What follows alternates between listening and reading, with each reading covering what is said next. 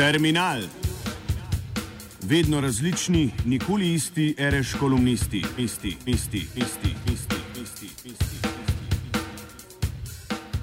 Pred nedavnim je ena od znanstvenih raziskovalnih združb, upravičilo njene eksistence naj bi bilo pretresanje literarne teorije in prakse, razpravljalo o 50 letih maja 1968 in še za polovico daljšem življenju Jugoslavije. Ljudje, ki so vsaj uradno financirani za tematizacijo književnosti, se niso niti skušali pretvarjati, da gre za večdisciplinarni happening, v katerem katerem njihova stroka sodeluje kot ena od mnogih, kot samo svoj glas v polifoniji vednosti. Dejansko so nastopili na podoben način, kakor pred desetletji pesnik Matej Bor, ki je bil akademik zaradi svojih dosežkov na področju besedne umetnosti, z imenitno zvenečim naslovom pa je v očeh nekaterih ljudi pokrival tudi svoje na lingvistično strokovnost pretendirajoče razlage veneččine. Ravnanje pretresovalcev literature njene teorije, ki so ob stoti obletnici nastanka Jugoslavije slednjo poskušali četrtinsko pomladiti, ni unikatno. Prej bi bilo mogoče reči, da je za slovensko mentalno podnebje katerem strokovnost ne pomeni poznavalstva določene problematike, temveč poklicanost in izbranost strani ukrojevalcev vedno novih kostumov stvarnosti, običajno. Po politikih, ki so že dolgo časa znani zaradi ustvarjalnega pristopa k zgodovinskemu knjigovodstvu, so se temu početju brez kakršne koli zadrege odkrito pridružili še ljudje iz znanstvenih kabinetov in podobnih čumnat. Da, tudi oni imajo vznemirljive popovdanske hobije, s katerimi se želijo kratkočasiti v službi, ter po možnosti toliko vznemiriti javnost, da bi jim zaposlenost s konički priznala za delo. Preteklost pa je tako zelo brvita, če se vsega se ne da reči v njej. Res je, da tak pristop na podoben način kot intuicija ameriškega predsednika Donalda Trumpa postavlja pod vprašaj smiselnost kakršnega koli študija in poudarjanja odvečnost zgodovine za katero more biti v javnih očeh in ušesih besedi poklican kot veščak vsakdo, to da zato smo odškodovani z neverjetno produkcijo novosti.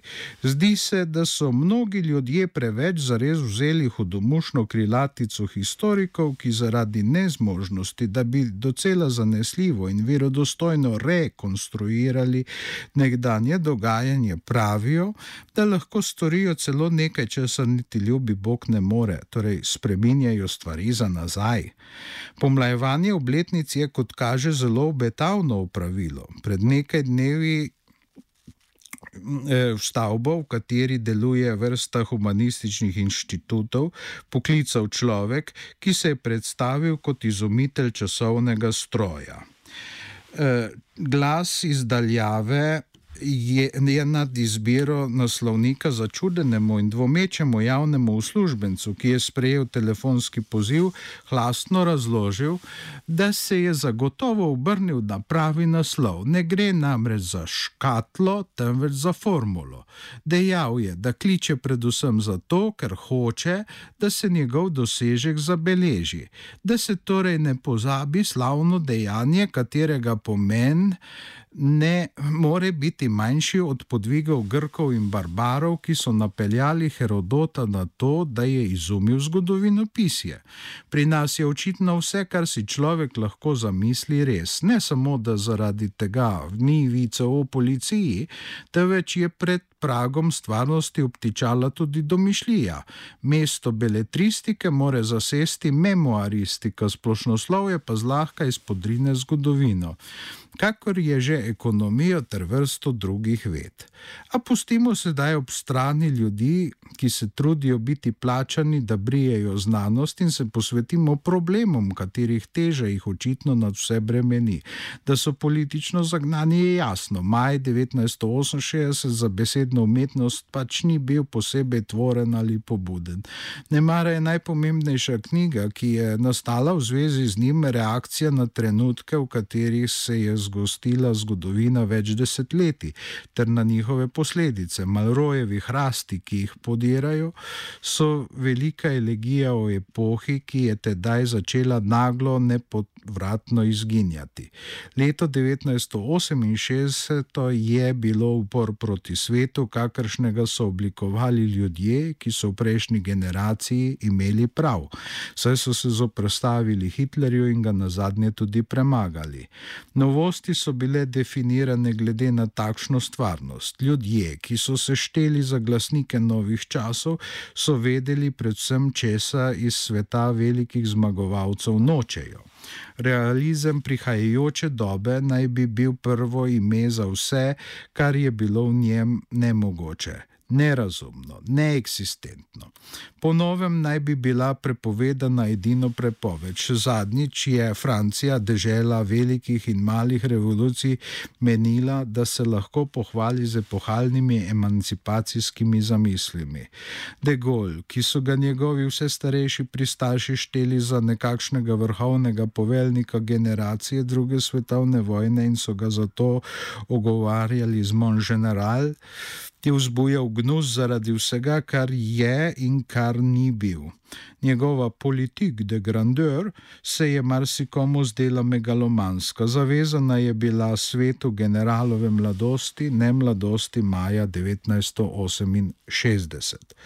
Tudi, ko so bile junije tistega leta pod pritiskom viharnih razmer izvedene volitve, je de Gaulle, ki je tako tako zaradi svoje preteklosti, kot zaradi politike sodelovanja z Adenauer Erhard Kisingerjevo demokratično Nemčijo poosebljal varnost, zlahka prevladal. Študentska nova levica, ki se mu je uprla, hkrati je bila pa nezadovoljna tudi s klasično socialistično in komunistično strankarsko mašinerijo, ni našla poti do prav tako nezadovoljnih industrijskih delavcev, ki so leta 1968 more biti še zadnjič imeli toliko skupnih interesov, da bi lahko v svetu okoli sebe posegali enotno. Nedolgo zatem so problemi, ki so jih zaposlovali vsakdanjiko zaradi tehnoloških sprememb in s tem povezane organizacije produkcije, postali tako specialistični in kompleksni, da so terjali individualni pristop in celega človeka. Tega premika ni moglo zaustaviti niti. Podstavljanje bomb, niti ugrabljanje stebrov stvarnosti, niti pretresanje klasične revolucionarne in literature in blagocepsko pričanje o tem, kaj da je bilo mišljeno s kako neobjavljeno rokopisno marginalijo izpred stoletja. Ko pa so se duhovi za silo pomerili, je bil lahko odslovljen tudi De Gaulle. Da ne bi slučajno mislil, da je še enkrat zmagal. Na referendumu o ustavnih spremembah, ki so hotele iz Francije narediti nekaj več kot kar Pariz obdajajoči prostor, je vstal v manjšini. S politik de grandeur je bilo konec. Doba zmagovalcev v drugi svetovni vojni se ni končala z revolucijo in novo epoho, temveč z tonom vlastni razrečenosti kar je obstajalo, se je nenehno podaljševalo in nižalo svojo raven. Toliko in toliko let pozneje je jasno, da je bil celo Žož Pompidou, ki je obude golove čevlje, nekdo proti Širaku, Sarkoziju, Hollandu ali Makronu. Kakor je bil v Nemčiji zaradi dvomljive preteklosti v nacionalsocialistični dobi v Klofutani srebrno jezične Škurt Georg Kiesinger, kar nekaj nadstropi nad Angelo Merkel. Maj 1968 seveda tega drsenja navzdol ni povzročil, vendar ne gre spregledovati, da ga tudi ni preprečil. Morda bi ga lahko, kakor bi ga more biti mogel Mon General, če bi še enkrat zmagal.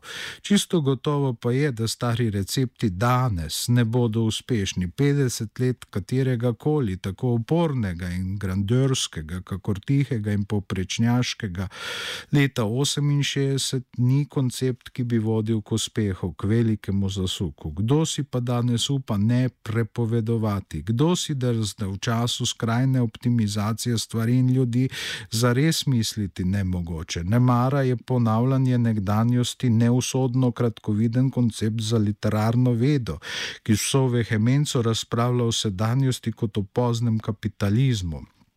Brez refleksije o tem, da je bil že poprej za zadnji stadij slednjega razglašen danes od mnogo bolj sofisticiranih in rafiniranih oblik odvisnosti upokojeni imperializem. To, da za resno politiko ni dovolj. Treba si bo zamisliti kaj novega, kaj takega, česar še ni bilo, kaj takega, kar ni neomejeno, neobremenjeno s preteklostjo in njenimi prisilami ter avtoritarno razglašenimi nujnostmi. Prav zaradi tega je zgodovino dobro poznati, da bi je ne ponavljali v izmislikih in stvarnosti.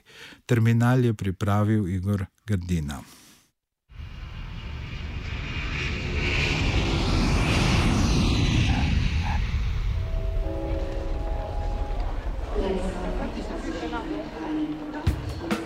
Terminal vedno različni, nikoli isti, reš kolumnisti, isti, isti, isti, isti, isti, isti. Esej, esej, esej, esej, esej, esej, esej. Radio študent.